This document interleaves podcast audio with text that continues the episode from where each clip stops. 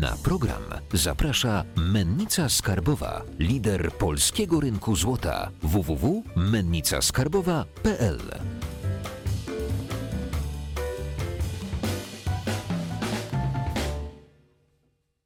Jacek Jakubiuk, witam na kanale Finansowy Preppers. Dzisiaj naszym gościem jest ekspert od technologii blockchain, bankowości międzynarodowej, przedsiębiorca Kamil Gancarz. Cześć Jacku, dzień dobry Państwu. Jakiś czas temu nagrywaliśmy odcinek y, o portfelu inwestycyjnym. Jak można by było złożyć portfel inwestycyjny, z jakich aktywów? Yy, Wypisałem sobie y, wszystkie rzeczy, o których mówiliśmy w dniu nagrania i w dniu emisji. I mówiliśmy, że możemy sobie y, zrobić portfel oparty na złocie i srebrze. Yy, Nagranie było y, 8 lipca 2020 roku. Były też bitcoiny i Ethereum. Tak, były też y, bitcoiny, Ethereum. Mówiliśmy też o tym, że warto było trzymać troszeczkę w gotówce, ewentualnie wrzucić w jakiś startup, ale oczywiście też y, wspominaliśmy, że to są aktywa wysokiego ryzyka, ale można by było coś z tym zrobić, ewentualnie trzymać w gotówce, jeżeli by się nie pojawiła żadna okazja, znaczy jeżeli by się miała pojawić jakaś okazja. Dałem przykładowe 100 tysięcy, bo to jest taka kwota bardzo, bardzo powiedzmy przykładowa. Y, Daliśmy 40% w metale szlachetne, podzieliliśmy to pół na pół, czyli po 20 tysięcy w złoto, po 20 tysięcy w srebro. Ym, Rekomendowali, że maksymalnie y, 25% w kryptowaluty, jeżeli ktoś się nie zna, to w bitcoina, jeżeli y, trochę się bardziej zna, to może jeszcze Ethereum, jeżeli się już w ogóle zna, to może jeszcze coś wybierać, to jakby to ominęliśmy. Y, Wrzuciłem 20 tysięcy, czyli kolejne 20% w bitcoina, 5 y, w Ethereum? Ethereum Bardzo dobrze. i 35% to była gotówka, która leży i czeka na okazję. Z gotówki nie zarobiliśmy nic. y, Z pozostałych aktywów zarobiliśmy od daty nagrania 27,5%. Licząc cały portfel, czyli licząc też Cały gotówkę, portfel. która nie pracowała. Czyli nawet na tej gotówce niepracującej zarobiliśmy ponad 27%. Tak. W 4 miesiące. Tak, chociaż straciliśmy w, y, na złocie i na srebrze. Nie, na srebrze zarobiliśmy. Od daty emisji, przepraszam, tak. Troszeczkę, e, troszeczkę nam zjechało, ale e, od daty emisji e, jesteśmy na, na plusie. Ym, oczywiście portfel inwestycyjny to jest coś, nad czym trzeba, trzeba pracować cały czas. Trzeba doglądać, y, sprawdzać, otoczenie nam się zmienia, więc y, powiedzmy, jeżeli ktoś sobie złożył taki portfel, oglądał nas, y, co mógłby by z, z, w nim edytować ewentualnie? Czyli co do zasady w tej chwili nie ma potrzeby edycji, bo nie zmieniły się uwarunkowania rynkowe, czyli można zostawić tak jak jest. Oczywiście jeżeli zarobiliśmy na bitcoinie czy na Ethereum, to nie wychodźmy z tej pozycji. Niech ten zysk nam pracuje. To jest, pomimo tego, że teraz portfel y, y, bitcoinowy czy, czy kryptowalutowy stanowi większą część procentową całego naszego portfela inwestycyjnego, ale jeżeli jest to zrobione zyskiem, to to trzymajmy, tylko miejmy świadomość, że teraz y, dzień, na który to nagrywamy, to jest y, 9 grudnia 2020 roku, to miejmy świadomość, że te mm, y, Bitcoin i Ethereum mogą teraz spaść. Teraz jesteśmy w takiej sytuacji, już zresztą spadło y, kilka tysięcy złotych i teraz już po tych spadkach oczywiście jesteśmy na tym 27,5% na całym portfelu, y, całościowym w ogóle portfelu inwestycyjnym, ale miejmy świadomość, że te spadki teraz na Bitcoinie mogą być trochę większe. Generalnie mówi się tak, że Historycznie patrząc na hossę 2015-17, e, kryptowaluty spadały około 37%. E, W sensie w takich e, krótkich terminach, tak? Oczywiście potem rosły, więc generalnie jeżeli mamy ekspozycję i robimy to długoterminowo, a portfel tego typu, jaki żeśmy układali, jest to portfel stricte długoterminowy, nie jest to portfel tradingowy, czyli nie wprowadzajmy żadnych zmian. E, Jeżeli byśmy zauważyli bardzo duży mm, spadek e, na przykład na, na złocie czy srebrze, ale to by musiały być bardzo duże e, wahanie w dół, to wtedy warto wykorzystać tą pozycję gotówkową, żeby dokupić tego metalu. W przypadku Bitcoina już myślę, że jakby z punktu widzenia za ile nasi słuchacze kupili, to już jakby nie muszą, nie muszą dokładać, bo i tak są mocno zarobieni i ta ekspozycja jest wystarczająca. Bo na złocie dało się zarobić, jeżeli byśmy wyszli w odpowiednim momencie, prawda? Ale Bo, bo było wyżej, jeżeli byśmy potraktowali to bardziej spekulacyjnie. Mhm. Teraz widzimy i na złocie, i na kryptowalutach delikatną korektę, jeżeli można to tak nazwać. Mhm. Y, Czy to nie jest szansa na wyjście i dokupienie niżej? ponieważ y, tego typu mm, decyzje mogą się przerodzić w coś takiego, że de facto ominie nas bardzo duży ruch wzrostowy. Jesteśmy w ostatnim takim roku, półtora hossy na krypto. Zrobienie teraz, y, że my umiemy timingować rynek, to to już nie jest inwestowanie pieniędzy, tylko to jest spekulacja. Mm, Spekulacja w sensie takiego tradingu aktywnego, do tego na tym się trzeba znać i poza tym to często wychodzi gorzej niż długoterminowe inwestowanie, niestety. E, Więc historia nawet takich bardzo zawodowych traderów to pokazuje. Więc raczej dla e, i przeciętnego gracza, ale też wytrawnego przedsiębiorcy, e, czy w ogóle zamożnej osoby, to myślę, że trading to, mm, e, to raczej ktoś sprzedaje marzenia. Jeżeli ktoś już się tym nie zajmuje zawodowo i już w tej chwili jest w tej branży, to ja bym nie proponował jakby rozwoju w kierunku e, tradingu, a raczej proponowałbym rozwój w kierunku inwestowania portfela. Oczywiście jak mamy e, czym inwestować. Ta piąta pozycja, y, gotówka startup. Ym, mówiliśmy, że fajnie było znaleźć jakieś okazje. Wiem, że ty jesteś twórcą y, startupu, y, który ostatnio dostał dofinansowanie dosyć Nie, ty, spore. nie tylko dofinansowania, no bo jakby realizujemy rundę finansowania tą z, z jakby z środków prywatnych, czyli mamy inwestorów. No i już zebraliśmy ponad 4,5 miliona złotych mm, przez ostatnie miesiące. E, a co ciekawe, osoby, które weszły do grudnia już mają 50% wzrostu. E, czyli jeszcze To przez tą dotację rozumiem, E, 20 tak, kilka a, tak, milionów, tak, tak? bo to jest właśnie ta dotacja ponad 21 milionów złotych, która jakby jest equity free i pozwoli nam zrealizować nasz projekt badawczy w takim naprawdę bardzo dobrym, e, zaawansowanym, na zaawansowanym poziomie z najlepszymi ludźmi. Nawet e, w niektórych dziedzinach to mamy najlepszych ludzi w Europie. No, czyli jakbyście zainwestowali jeszcze tą gotówkę w startup Kamila, to mie- mielibyście jeszcze 50%. A, ale gwiazdka, że wejście w startup jest od 250 tysięcy. Tam rozmawialiśmy o kwocie 100 tysięcy złotych, więc absolutnie nie było poza pułapem, a startup też nie może stanowić więcej niż e, 10% portfela inwestycyjnego. Duzi klienci mogą, y, Tak. mali klienci mogą przyjść do ciebie po prostu na konsultację. No Tak, chociaż teraz jest trochę, coraz mniej czasu na konsultacje z racji dużej ilości operacyjnych rzeczy nie? Mhm. W, w firmie. Czyli y, ten portfel jest ok, coś byś jeszcze dodał, zmienił, może y, zmniejszył proporcje, zwiększył, bo Nie, ja tak y, rozmawialiśmy Mhm. oczywiście o procentowych, bo mówiłeś w metale, w zależności od ryzyka, między 5 a 40. Ja przyjąłem tu maksymalne, bo słusznie. Mhm. nie, nie chciałem większość w gotówce jakby trzymać i może się spotkamy po, za jakiś czas i podsumujemy, podsumujemy ten, mm, ten portfel y, za jakiś czas Mhm. ewentualnie go edytujemy. A jeszcze mm, pytanie, bo ja nie jestem dobrze obeznany w świecie kryptowalut i zawsze świat kryptowalut to jest świat, którego jakby nie zgłębiałem, nie rozumiałem. Jeżeli ktoś by chciał kupić kryptowaluty, to w jaki sposób to zrobić najprościej? Bo jest dużo informacji w internecie, że jakieś giełdy kryptowalut się, się wysypują, coś się dzieje z jakimiś bankami, y, które to przetrzymują, z tymi sejfami bezpiecznymi y, i jak wejść i po prostu wejść w ten świat tak w miarę płynnie i No, czy trzeba korzystać z giełdy, na pewno takiej bardzo dobrej giełdy, tak? No, jedną z takich najlepszych giełd na świecie jest Kraken. Em, tylko tam kupujemy za euro, nie za złotówki albo za dolary, ale lepiej polecam raczej mieć tą ekspozycję robić za euro, bo wtedy jest zawsze mniej problemów z przesyłem pieniędzy. Przez to, że Amerykanie zawsze tam kładą łapę swoją kontrolującą nad tym i y, po prostu niwelujemy jakiekolwiek dodatkowe ryzyka związane z przelewami. Czyli raczej Kraken pod kątem euro. Jeżeli bardzo chcemy w złotówce, no to w Polsce mamy tak naprawdę taką giełdę, którą można polecić ze względu na bezpieczeństwo, to jest Kanga. Mm, Tylko ona ma z kolei tą gorszą płynność i jeżeli chcemy naprawdę najlepszej płynności topowej na świecie, to wybierzmy Krakena.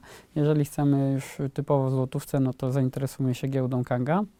E, Potem, gdzie będziemy przechowywać te krypto? Nie wolno nam przechowywać ich na giełdzie, bo giełda to nie jest dom maklerski licencjonowany, który, chociaż teraz Kraken rzeczywiście dostał licencję bankową w stanie Wyoming, więc już zaczynają być te, te regulacje, ale jeszcze takie mamy dobre praktyki w branży, że raczej nie trzymamy w długiej perspektywie środków na, na, na giełdach i dlatego warto mieć po prostu portfel sprzętowy typu Ledger, Kipki czy Trezor i z tych portfeli warto korzystać, że jednego z nich, e, żeby tam przechowywać swoje y, kryptoaktywa.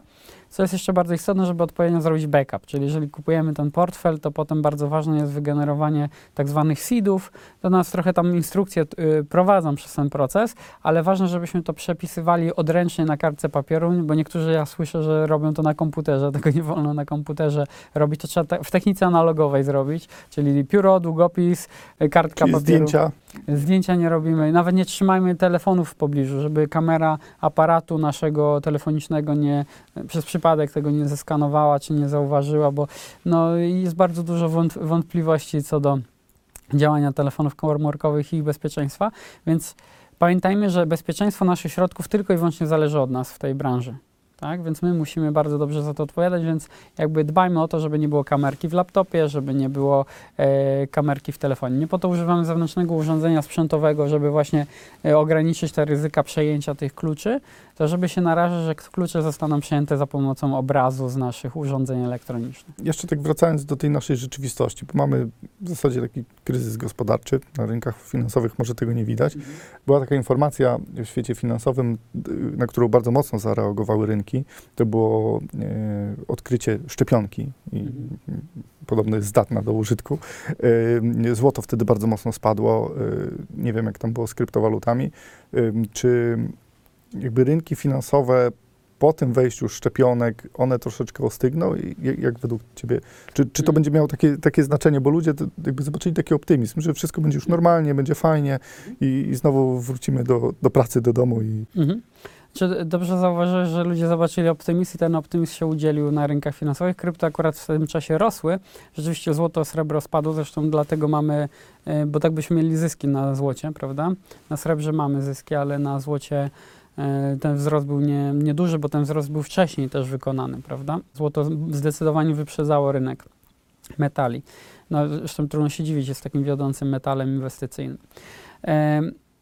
I rzeczywiście przez chwilę będzie te fale optymizmu, ale potem zobaczymy, jakie będą skutki tych szczepionek. Mówię medycznie, y, czyli o, czy będą niepożądane odczyny poszczepienne. Przypominajmy, że jakby szczepionka się wprowadza 7 do 20 lat, a ta jest w 8 miesięcy robiona, czy tam może krócej. No więc jakby nie wiemy, co się wydarzy jakby z jakością tego wszystkiego. To, że ktoś twierdzi, że to jest bezpieczne w mediach, to nie oznacza, że tak jest, bo pamiętajmy, że firma farmaceutyczna za to nie odpowiada. i co wtedy? No, czy będzie takie Z naszym kiedyś... portfelem w sumie. Co będzie, z, co będzie z restauracjami, co będzie z hotelami, jak będzie wyglądał ten rynek? Póki nie zajdą regulacje i póki nie, jakby nie minie okres jakby oczyszczenia po tym wszystkim dwu, trzyletni, to tak naprawdę nie będzie normalnie, bo my będziemy ponosić konsekwencje lockdownów przez najbliższe lata. No bo to nie jest tak, że y, restauracja traci być może i setki tysięcy miesięcznie w pensjach, bo jest zamknięta, bo myślimy, myślimy o restauracja 50 zł za danie, 100 zł, 200, ale mo mogą być setki tysięcy złotych na każdą restaurację miesięcznie straty. Kto, kto, kto, kto jakby to pokrywa? Przecież nie Skarb Państwa. No, dużo takich restauracji, ostatnio też na grupie e, na Facebooku rozmawialiśmy o tym, dużo restauracji, których kiedyś mijaliśmy w centrach miast, już nie ma. Tak. Już nie ma, to są i duże koncerny, duże sieciówki, małe też lokalne, te, które nie mogły się dostosować albo po prostu nie dały rady, bo, bo jakby rynek y, już nie chciał kupować w restauracjach. Prawda? No, ry, rynek chciał, tylko że nie mamy rynku. Bo rynek to jest, że ludzie chcą kupować w restauracjach. A jeżeli przychodzą z góry regulacje, to to nie jest rynek, to nie jest mechanizm rynkowy. To jest socjalistyczny mechanizm, prawda? Że ktoś z góry mówi, co może być, a co nie może być. Jaki biznes może zarabiać, jaki nie może zarabiać. I nie można sterować gospodarki e, w sposób centralnie planowany, a tak naprawdę mamy system centralnie planowany. Więc jakby przypomnijmy, że nie żyjemy w kapitalizmie, tylko w centralnie planowanej gospodarce. No niestety będzie to, co w centralnych planowanych gospodarkach, prawda? Jeżeli to się jakby wyłączymy te procesy i wrócimy do jakiegoś w miarę wolnego rynku, w miarę, bo tam, gdzie jest VAT, tam, gdzie jest y, sanepid, tam, gdzie jest y, normy pracy i tak dalej, to nie jest w pełni y, wolny rynek. Tak? Im więcej jest państwa y, i regulacji, tym mniej mechanizmów takich ekonomicznych, y, wolnorynkowych działa po prostu. Więc to, to musimy mieć świadomość. Więc konsekwencja tych wszystkich wydarzeń y, będą się rozlewać przez najbliższe lata, jeszcze raz powtarzam. Y, Rynki trochę się już w tej chwili zachowują totalnie irracjonalnie, są odklejone od, od realnej sytuacji gospodarczej, co jest trochę dziwne, bo kojarzyłoby się, że, że rynek finansowy powinien oddawać albo wyprzedzać wydarzenia gospodarcze około 6 do 9 miesięcy. Tak się mówi, że jest taka funkcja predykcyjna rynków finansowych. Rozmawialiśmy y, z Jakubem Mościckim. Ten odcinek trochę zaspoileruję, ale będzie w, y, w następnym tygodniu. Mamy już go nagranego. Rozmawialiśmy o tych właśnie y, pieniądzach, które były wpompowane w gospodarkę i statystyki mówiły o tym, że bardzo dużo osób te pieniądze, które dostały właśnie z tych programów pomocowych, szczególnie w Stanach, albo spłacały kredyty, albo inwestowały w giełdę. To były dwa takie Albo w główne, kryptowaluty, główne, nie tylko w giełdę. no, w, w rynki finansowe. Były takie dwa główne nurty, które, które gdzieś tam, yy, gdzie szła kasa, nie? Tak, tak było. No albo, albo też konsumpcja, bo są przy, przykłady, gdzie z, z tych programów pomocowych biznesy, które sobie dobrze radziły, ale też im się jakby należało, czy też jakby spełniały warunki programów pomocowych, to na przykład jachty kupowali właściciele tych firm, no bo dostali dofinansowanie na pensję, a oni tak by im te pensje zapłacili. I była też duża konsumpcja u osób, które, które dobrze sobie radziły w czasie kryzysu, a mówię o przedsiębiorcach oczywiście, a jednocześnie dostały y, te programy pomocowe. No ktoś może powiedzieć, że to niesprawiedliwe, że, że taka osoba bierze program pomocowy, to jeżeli się pojawia taka myśl w głowie, bym powiedział, że niesprawiedliwe, że ktoś może zakazać wam pracować. Że to jest bardzo niesprawiedliwe. Że wy nie możecie pracować, wy nie możecie sprzedawać swoich towarów i usług. To jest zbrodnicze. Bo to jest, mówię, gospodarka centralnie planowana, no to najlepsze okresy tego to, to Rosja e, za czasów, czy Związek Sowiecki, prawda? Jeżeli przyjmiemy sobie taką sytuację, że gospodarstwa domowe zaczną sobie coraz gorzej radzić, bo jakby w realnej gospodarce e, ten kryzys będzie widać, tak jak mówisz, restauracje zamknięte, ludzie nie wszyscy mają pracę, tak jakby chcieli, e, zabrania się im pracy, okej, wszystko wraca do normy, ale jakby pieniędzy zaczyna nie starczać i powiedzmy oni, co może się stać z rynkiem wtedy, jeżeli oni te pieniądze z pomocy będą jakby wyciągać z giełdy? Giełda zawsze wyprzedzała realną gospodarkę, a czy teraz się to nie zamieni delikatnie? Znaczy myślę, że y, teraz i tak w ogóle mamy już rozsunięcie tych cykli całkowicie, giełdowych z, z gospodarczymi. I to, co się wydarzy, to musi być w końcu tąpnięcie spowodowane tą e, erupcją e, z długu, erupcją nowej podaży. Od listopada 2019 do listopada 2020 w Stanach Zjednoczonych dołożono 50% więcej dolarów do gospodarki w agregacie M1, czyli ten wąski pieniądz, czyli dostępny w depozytach na żądanie, czyli takich płatnych D plus 2 maksymalnie, czyli 2 dni plus 2, czyli jak chcemy awizować dużą kwotę, no to wiadomo, że nie dostaniemy gotówki, bo nie może nie być w kasie, tylko że za dwa dni dostaniemy, to to jest y, w agregacie M1 i gotówka poza y, kasami banków, która jest w obiegu. I te, ta suma to w Stanach Zjednoczonych to jest 50% wzrostu. Czyli historia dolara jest od tam 1790 chyba trzeciego roku, a my żeśmy w rok dołożyli 50% całej tej historii. Czy to jest normalne? I, I dlatego stąd mamy te wzrosty na rynkach finansowych.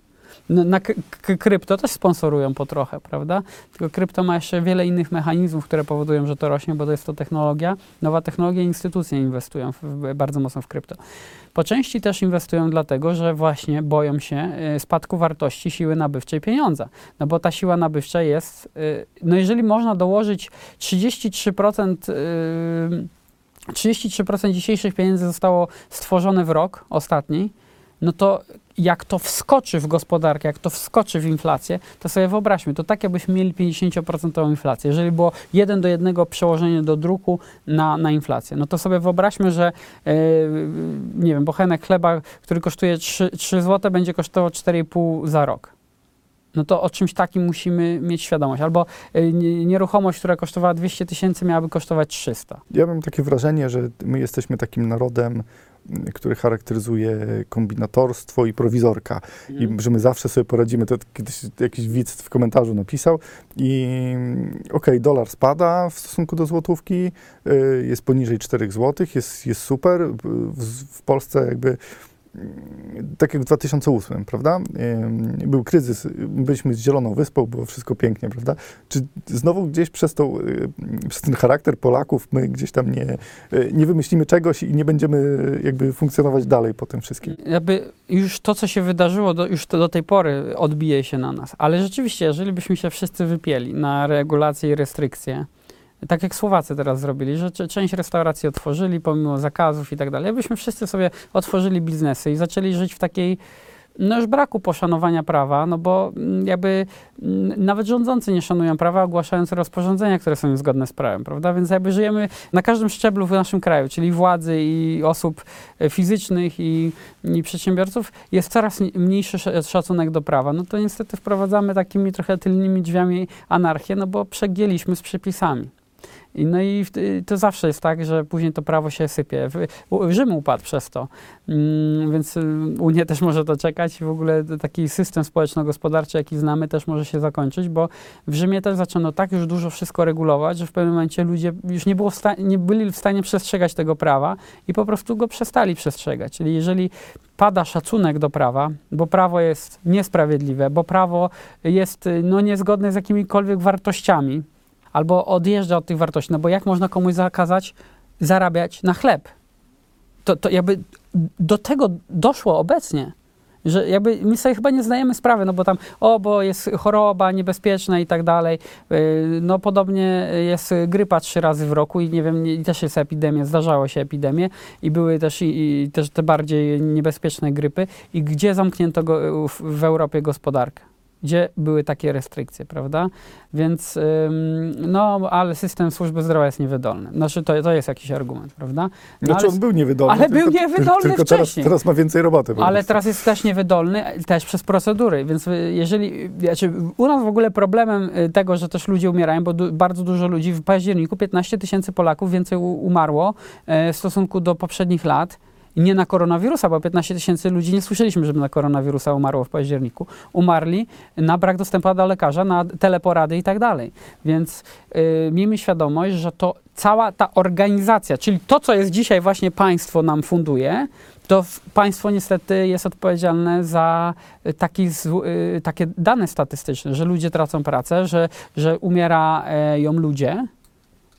Nie koronawirus, państwo. Nie mam na to złotej recepty, e, żeby, żeby to naprawić, ale e, tak naprawdę no, dużo zarzutów było od lekarzy, że oni nie słuchali ekspertów, nie chcieli robić tak, jak mówili eksperci, tylko robili coś po swojemu. No i tak to wygląda, no, jeżeli mamy takie... Odpowiedź jest prosta.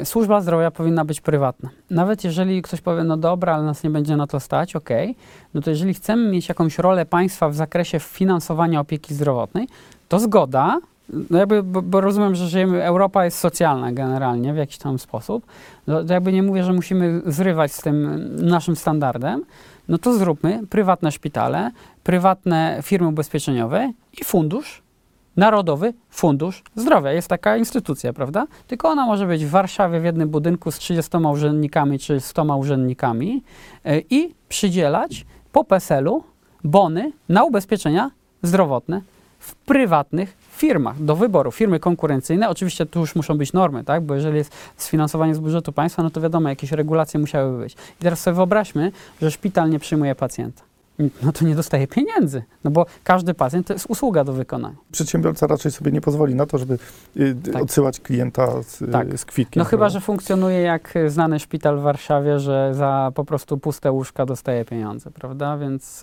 ale w, w takim systemie pryw, prywatnej opieki zdrowotnej opartej na jakimś państwowym dofinansowaniu ubezpieczenia, żeby też, bo firma ubezpieczeniowa pilnuje, żeby było dobrze rozliczane, bo to jest z ich pieniędzy, prawda? Ale rozumiem, że wiele osób nie byłoby stać na ubezpieczenie, więc te składki wspomagane ten system redystrybucji w tym jeszcze byłby w jakiś sposób akceptowalny no, w naszym standardzie e, prawno, e, prawnym i sp- umowy społeczne, jakie mamy w Polsce. Ale tam, gdzie jest państwo, to to siada. No i to dzisiaj obserwujemy w sytuacji kryzysowej. W sytuacji kryzysowej przedsiębiorcy kombinują, próbują to rozwiązać, bo oni ponoszą konsekwencje osobiste e, w sytuacji kryzysowej. Tym sposobem z y, oceny portfela przyszliśmy do, do charakterystyki służby zdrowia. No, nie, nie dało się inaczej chyba. Y, Na koniec mamy taką tradycję, jak zawsze, złota być dla naszych prepersów. Naprawdę przyglądajmy się kryptowalutom i teraz uważajmy na korekty, żeby też te, te, te wzrosty cen nie przysłoniły nam tego, że jest cały czas to ryzyko finansowe, o którym zawsze powtarzałem. Także y, obserwujmy kryptowaluty, ale z uwagą i ostrożnością. Mam nadzieję, że nie poleciliśmy za bardzo nie na temat i za daleko. Dziękuję Wam bardzo za dzisiaj. Dajcie y, łapkę w górę, y, zasubskrybujcie, dajcie dzwoneczek i zapiszcie się do naszej grupy na Facebooku. Dziękuję Wam bardzo. Cześć. Dziękuję Państwu. Cześć Jacku.